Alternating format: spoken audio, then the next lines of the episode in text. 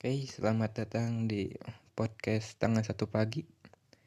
Di episode kali ini gue mau ngebahas tentang opini pribadi gue mengenai situs-situs streaming ilegal alias yang lebih sering disebutnya itu fansub atau fanshare. Ini dari kacamata gue selaku penonton. Jadi isi podcast ini, isi episode ini adalah tentang semua uh, opini pribadi gue. Dan gak ada sangkut pautnya sama ya mungkin benar atau salah. Nah gue nggak mau gue nggak mau ngebahas hal itu tapi full di episode ini adalah tentang opini pribadi mengenai situs-situs penyedia um, streaming atau download anime ilegal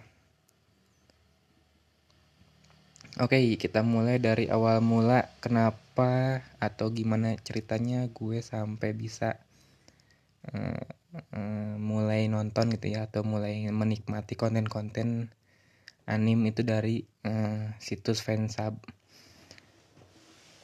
Jadi awal mulanya itu sekitaran ya kelas 3 SMP atau satu SMA itu gue tahu dari temen-temen tongkrongan gue gitu. Karena mereka nyaranin untuk baca komik itu secara uh, online gitu ya di situs-situs. Dan gue tahu tahu itu cuman baca manga aja gitu.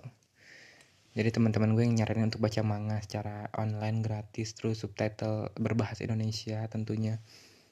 Dan akhirnya gue udah mulai iseng-iseng tuh ngikutin oh baca-baca juga gitu ya tapi lebih seringnya itu kelas 2 SMA nah jadi awal mulanya itu kan gue salah satu penikmat Naruto ya. Gue ngikutin Naruto itu dari masih kecil sampai spuden sampai tamat itu. Dan gue puas dengan ceritanya. Nah kan waktu itu Naruto pernah tayang di Global TV tuh. Jadi tiap sore jam 4 tuh kalau nggak salah gue sama adik gue tuh sering nonton sampai jam 6 kan ya tayangnya. Naruto tuh.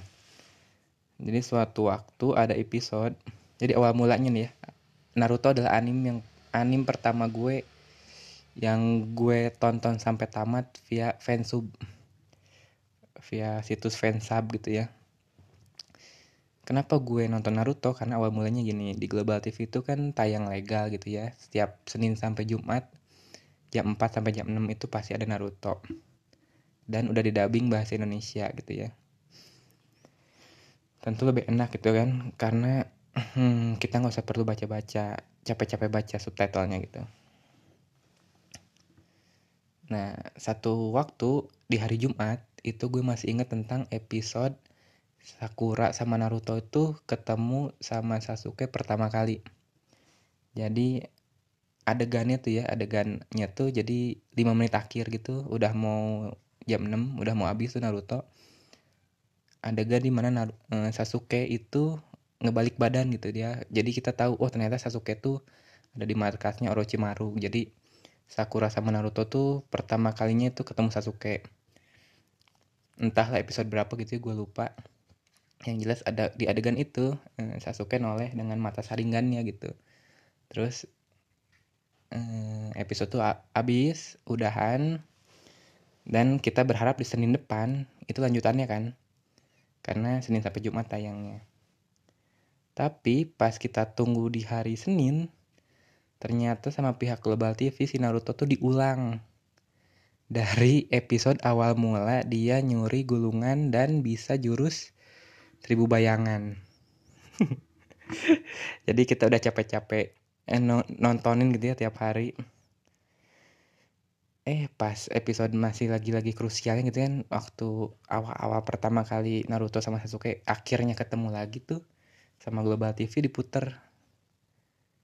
Dibalikin lagi ke episode 1 nah di situ adalah kali terakhir gue nonton Naruto. Bukan gue sih tapi lebih tepatnya tuh adik gue karena setelah tahu di hari Senin ternyata episodenya diulang dia sampai ngebanting TV tuh. Kan TV pakai meja gitu dia dia angkat mejanya dia banting tuh TV terus nangis nangis karena kan diulang dari episode 1 gitu kan. Ya lu pastilah yang ngalamin juga nggak cuman gue dan adik gue yang kecewa gitu sama pihak Global TV karena ya memang udah penasaran banget itu kan. Kita akhirnya ketemu lagi eh, sosok Sasuke itu ditampilin lagi gitu di anime Naruto. Tapi ya mau nggak mau ternyata harus diulang akhirnya adik gue sejak saat itu stop nonton Naruto. Di Global TV dan dia nggak pernah nonton fansub baru waktu SMA dia udah mulai nontonin Naruto lagi via fansub karena itu dia sakit hati sama pihak eh, TV yang nayangin itu yang diulang-ulang. Untuk gue pribadi gue terakhir nonton Naruto di TV itu sejak Kakuzu versus Shikamaru sama Hidan jadi guru Asuma meninggal terus Kakashi sama Shikamaru tim tuh mau nyerang Kakuzu sama Hidan gitu kan Nah episode terakhir yang gue inget itu adalah saat Naruto datang setelah berlatih uh, Rasengan Shuriken. Jadi kasih sama timnya si Kamaru tuh udah terdesak gitu ya karena si Kakuzunya nggak mati-mati. Tinggal dua elemen gitu kalau nggak salah. Ternyata kan dia harus empat elemen tuh dibunuh. Nah terus tiba-tiba Naruto datang gitu. Naruto datang dengan dengan udah ngebelajarin uh, apa Rasengan Shuriken. Dan saat Naruto datang, lu tahu juga sih apa yang bakal kejadian yaitu sama kejadian sebelumnya dia diulang lagi. Dia tuh tayang di hari Jumat, eh, Sasuke, nah apa Naruto datang di hari Senin itu udah langsung diputar lagi tuh sama pihak Global TV si Naruto itu dari episode lagi. Nah sejak saat itu gue udah stop males lah gitu. Ya udahlah oke okay lah gue nggak akan lagi nonton eh, Naruto itu di TV di Global TV gitu ya. Jadi gue nggak nggak akan nontonin rutin Naruto gitu untuk ngikutin seri selanjutnya. Jadi semenjak saat itu gue udah full nonton Naruto itu sampai tamatnya sampai Naruto kawin sama Hinata itu via fansub via situs-situs penyedia jasa uh, streaming anim gitu ya Nah, sejak saat itulah gue mulai keseringan setelah Naruto tamat, gue mulai nonton One Piece lagi. Karena One Piece itu gue nonton sampai Skypiea akhir. Jadi setelah Luffy ngalahin Enel, nah itu gue masih nonton di Global TV juga tuh. Sisanya uh, eh, gue nonton di uh, streaming ilegal gitu kan, di fansub. Terus gue juga sempat nonton Ida 10 jam tuh yang anim tentang sepeda-sepedahan. Terus ICL 21 karena skip. Terus endingnya Samurai X. Endingnya Inuyasha juga gue nontonnya di fansub. Dan masih banyak lagi anim-anim yang gue akhirnya tonton ulang di fansub.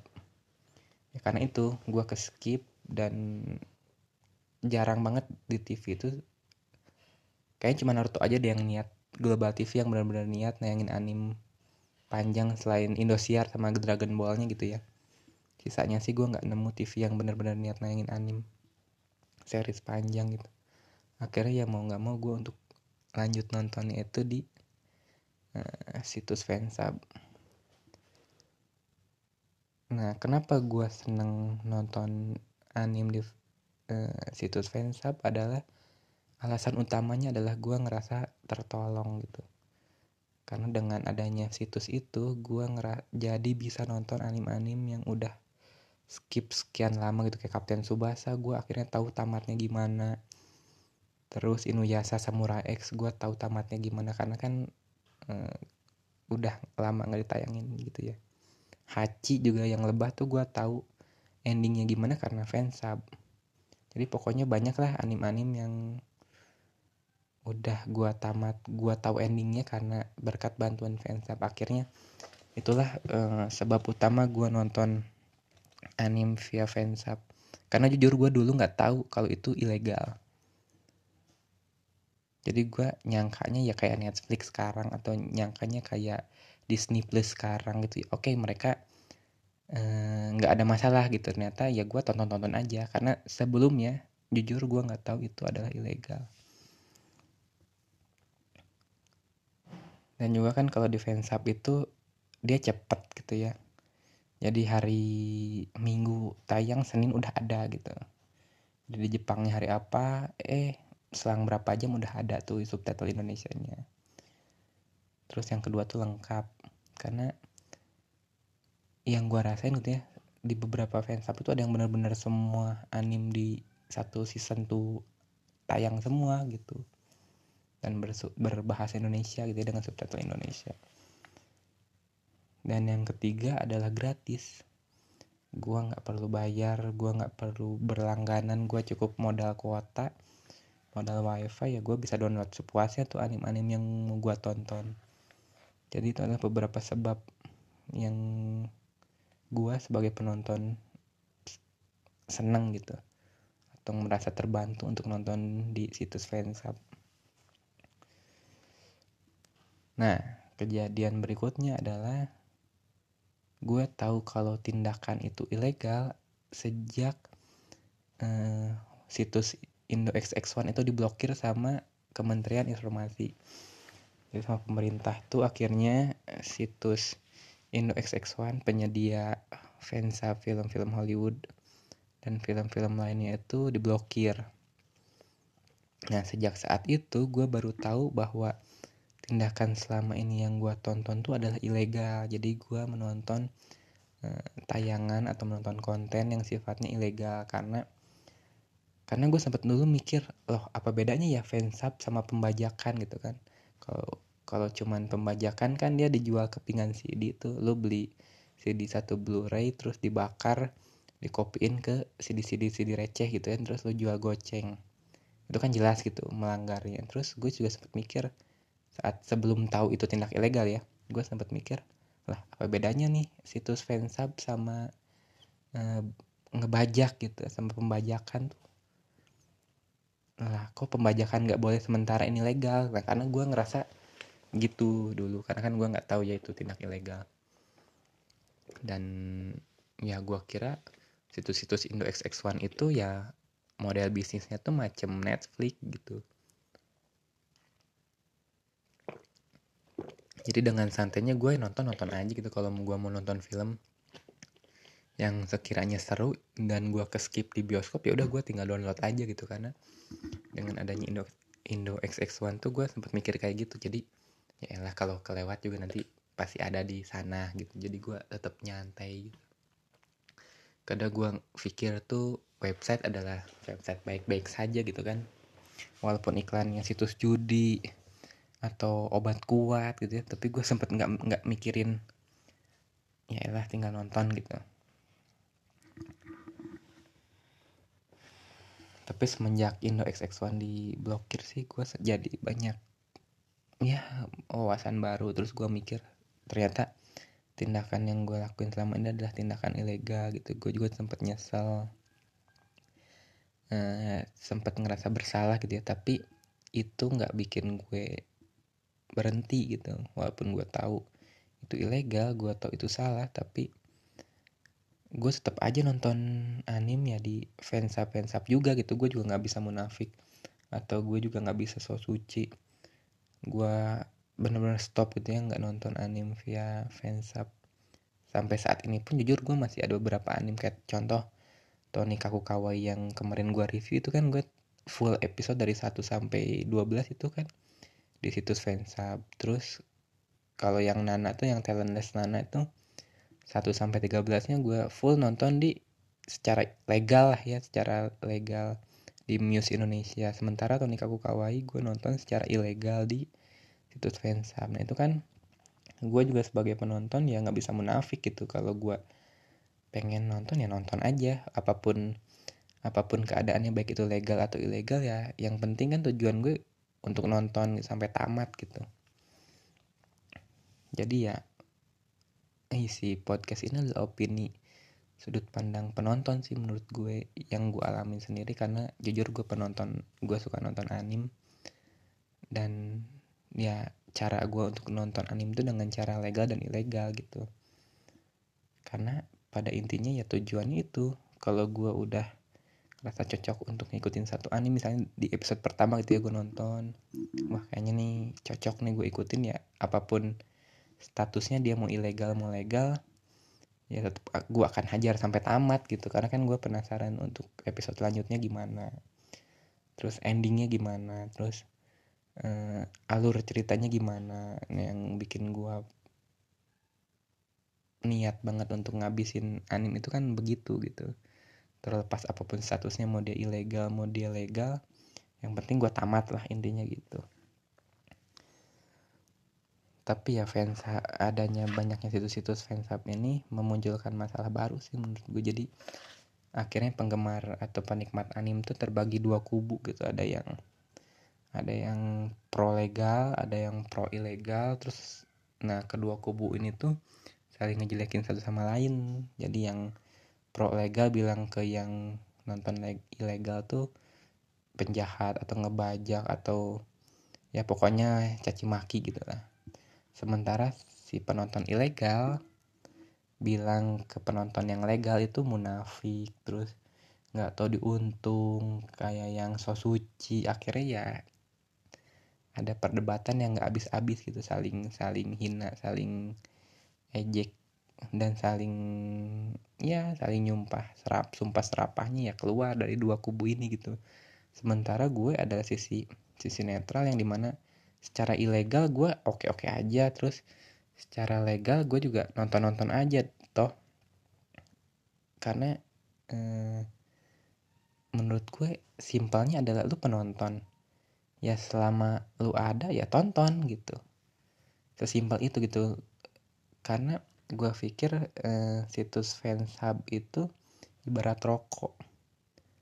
Oke lu tahu salah. Jadi lu lu tahu nonton di situs begituan tuh ilegal lu tahu.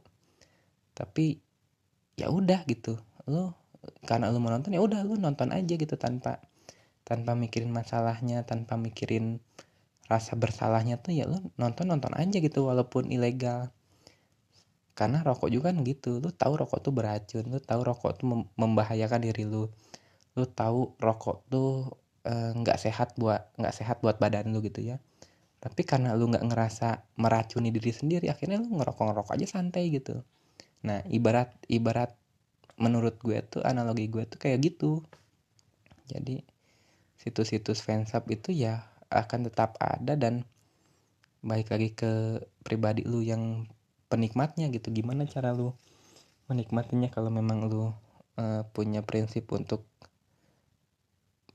tidak mendukung karena itu ilegal? Ya oke silahkan nggak uh, usah ditonton gitu nggak usah di share nggak usah di uh, download animnya gitu. Cukup lu tonton yang dari eh, platform-platform uh, legal dan mengedukasi teman-teman yang lain. Jadi lu nge-share-nya yang legal-legal aja kayak Muse gitu. Lu nge-share channel YouTube-nya Muse Indonesia ke teman-teman lu yang lain biar teman-teman lu tahu bahwa ada channel YouTube yang menayangkan anime secara legal gitu ya dan berbahasa Indonesia dan bersubtitle Indonesia. Lo bisa terus mengedukasikan itu gitu biar subscribernya nambah biar viewernya gede dan Muse Indonesia bakal tetap dapat duit untuk bisa beli lisensi-lisensi anime yang lain gitu karena dengan dukungan lu. Tapi buat yang suka nonton anime di fan di situs fansub juga yang gak usah rame gitu nggak usah nggak usah ribut gitu nggak usah apa menjelek-jelekan orang-orang yang sedang mengedukasi sedang men-share kebaikan dengan cara ya nge-share channel YouTube News misal contohnya gitu ya. Ya lu nggak usah ngelarang orang kayak gitu. Karena toh yang mereka lakukan ya benar gitu lu juga nggak usah men, lu juga nggak usah merasa terhina atau merasa bersalah. Apalagi buat para pembuat situs-situs ini ya atau yang ngedengerin mungkin yang lagi dengerin podcast ini lu adalah salah satu adminnya kah? Atau lu salah satu pendirinya kah? Atau salah satu translatornya kah? Gitu kan. Ya lu nggak usah baper gitu. Lu nggak usah ya karena mau nggak mau yang lu lakuin tuh ya salah. Karena lu mencuri konten orang dengan keuntungan pribadi terlepas keuntungannya lu pakai atau enggak ya tetap aja ada untungnya gitu kan dengan lo bikin suatu website ya trafficnya gede ya pasti ada iklan di sana gitu.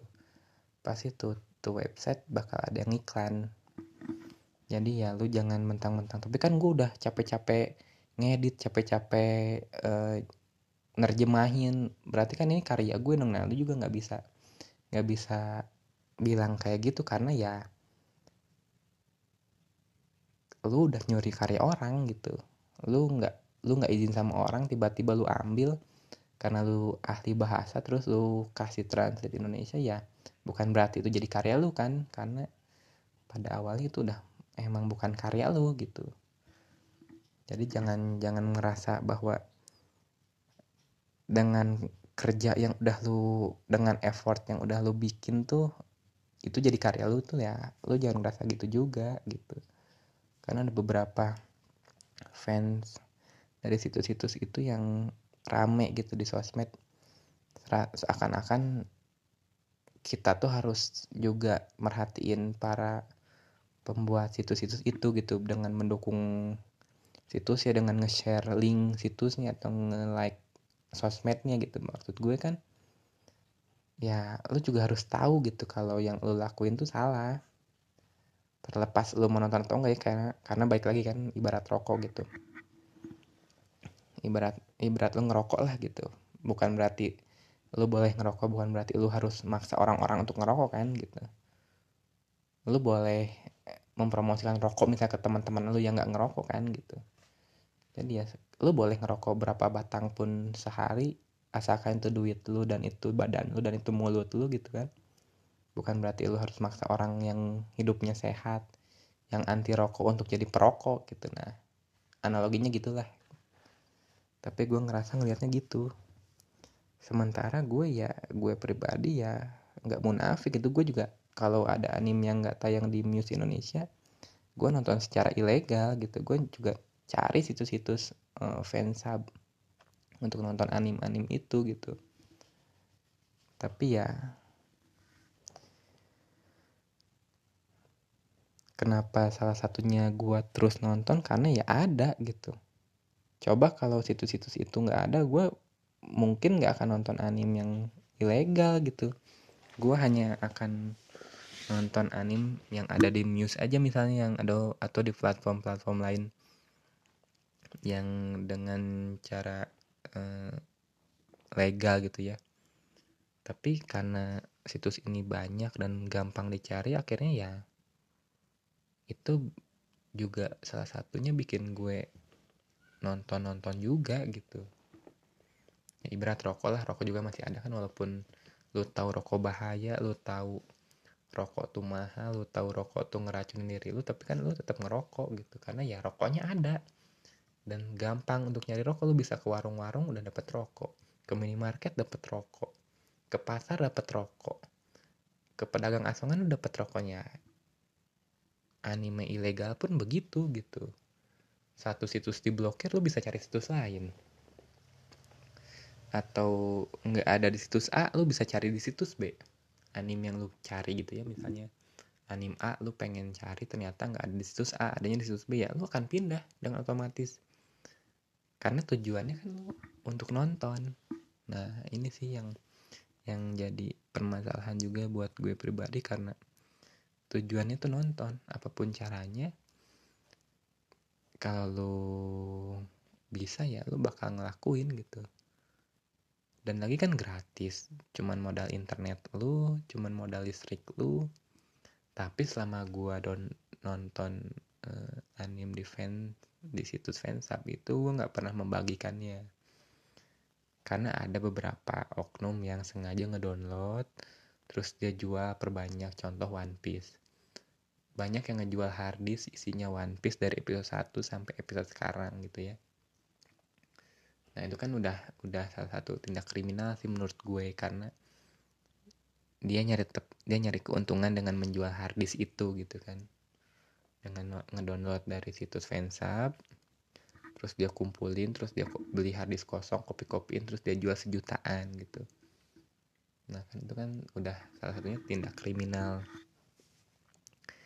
tindak kriminal yang dihasilkan dari situs fansub gitu ya. Tapi gue juga nggak mau menyalahkan pembuat situs nggak mau menyalahkan admin situsnya nggak mau menyalahkan uh, penyedia datanya karena toh gue juga butuh gitu. Karena gue juga pengen nonton anim-anim favorit gue yang nggak tayang secara legal gitu. Akhirnya ya mau nggak mau eh, suka nggak suka kejadian ini bakal ada lagi ada lagi sih. Mau berapa kali pun pemerintah ngeblokir tetap banyak situs-situs baru yang bermunculan gitu. Karena memang penikmatnya banyak yang butuh banyak dari segi produser gitu ya segi uh, pembuat konten atau segi dari dari sudut pandang uh, penyedia jasa uh, anim ilegal gitu ya. Dan di, di segi penonton pun karena penonton butuh ya mau nggak mau penonton pasti nyari gitu. Penonton pasti nyari dan akhirnya ya ada demand ada supply hukum ekonomi berjalan ya akhirnya bakal ada terus. Sesuatu yang dibutuhkan pasti akan disediakan gitu. Dan ya untuk cara menanggulanginya atau cara untuk ngakalinnya sih menurut gue baik lagi ke diri lo masing-masing karena sejak eh, tahun lalu lah gue udah mulai eh, fokus nyari anim tuh prioritasnya yang legal dulu. Jadi selama ada yang legal apa pun subtitlenya mau dia subtitlenya Jepang mau subtitlenya Cina mau subtitlenya Inggris gue akan nonton dari situ gitu. Contohnya gue nonton Remuru Tempe season 2 tuh yang Slam Overpower. Gue nonton itu dengan subtitle Inggris di Muse Asia di channel YouTube Muse Asia. Walaupun banyak situs-situs fan sub yang menawarkan dengan subtitle Indonesia gitu ya tetap gue nontonnya di channel YouTube News Asia. Karena gue tahu setidaknya yang gue lakukan adalah gue mengutamakan dulu yang legal gitu. Kalau ada yang legal ya udah gue nonton aja dulu yang legal. Urusan subtitle ya bodo amat lah gitu. Yang penting gue liatnya aja udah seneng gitu kan. Walaupun gak ngerti dialognya tapi ya syukur-syukur kalau yang Inggris dikit-dikit gue paham lah gitu apa maksudnya dialog antara si Rimuru sama si uh, Goblin atau sama si asisten-asisten yang ada di anim itu gitu. Walaupun dengan bahasa Inggris. Dan cara berikutnya adalah lu harus tetap dukung pembuat animnya misalnya One Piece. Oke okay lah lu nonton di uh, situs fansub gitu ya tapi lu juga harus tetap beli karya komiknya gitu karya Echiro Oda yang bener-bener udah bikin One Piece gitu. Lu harus tetap walaupun lu nontonnya di fansub gitu atau nontonnya secara ilegal ya di satu sisi lu harus tetap ngedukung si pembuat karyanya untuk tetap hidup gitu. Karena kan dia hidup dari karya yang dia buat. Jadi mau nggak mau kalau bener-bener ngefans ya lu dukung lah gitu dengan cara beli merchandise-nya lah beli action figurnya lah atau beli komiknya langsung lah gitu yang cetak. Walaupun harganya memang mahal sih tapi ya kalau lu memang suka ya lu harus dukung dengan cara itu. Lu harus beli karyanya. Dan cara terakhir menurut gue adalah mulai dari diri sendiri sih. Kalau lu mau tobat lu mau ya mulai dari diri lu sendiri. Jangan jangan langsung ngajak orang-orang terus maksa-maksa orang untuk ngelakuin hal yang lu anggap bener gitu ya. Karena kan setiap orang punya pandangannya masing-masing setiap orang punya hmm, pemikirannya masing-masing setiap orang punya kebutuhan dan keinginannya masing-masing gitu. Jadi ya untuk kalau lu mau tobat ya mulai dari diri lu sendiri gitu sambil lu nge-share nge-share kayak yang gue lakuin di sini kan.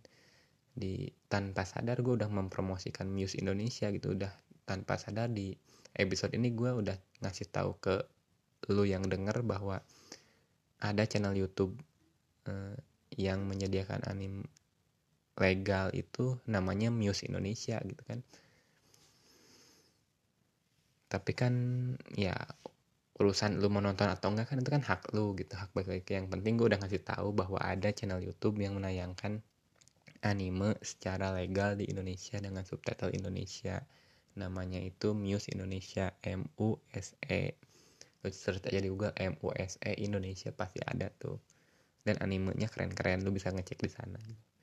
Dan ini nggak disponsorin sama Muse gitu ya. Gue bener cuman pengen nge-share aja bahwa ada channel YouTube yang ngedukung ini gitu. Oke jadi itu aja untuk episode kali ini.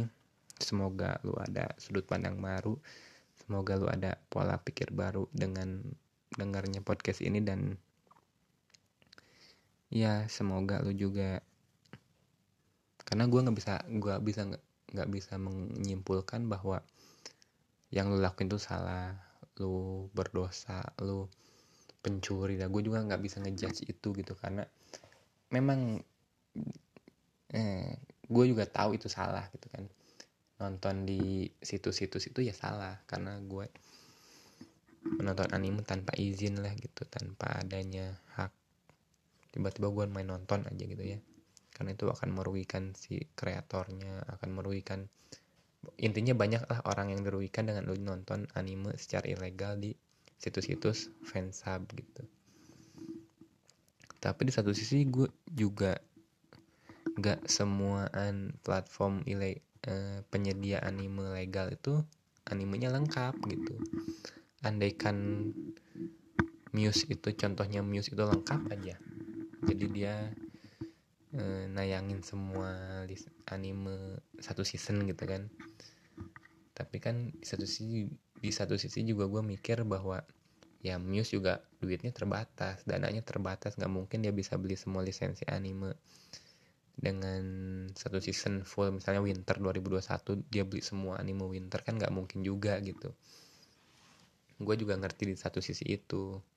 Apalagi dia nayanginnya kan gratis dia udah ngeluarin duit tapi kan belum tentu dia balik modal lah kasarnya gitu. Gue juga mengerti akan hal itu sih.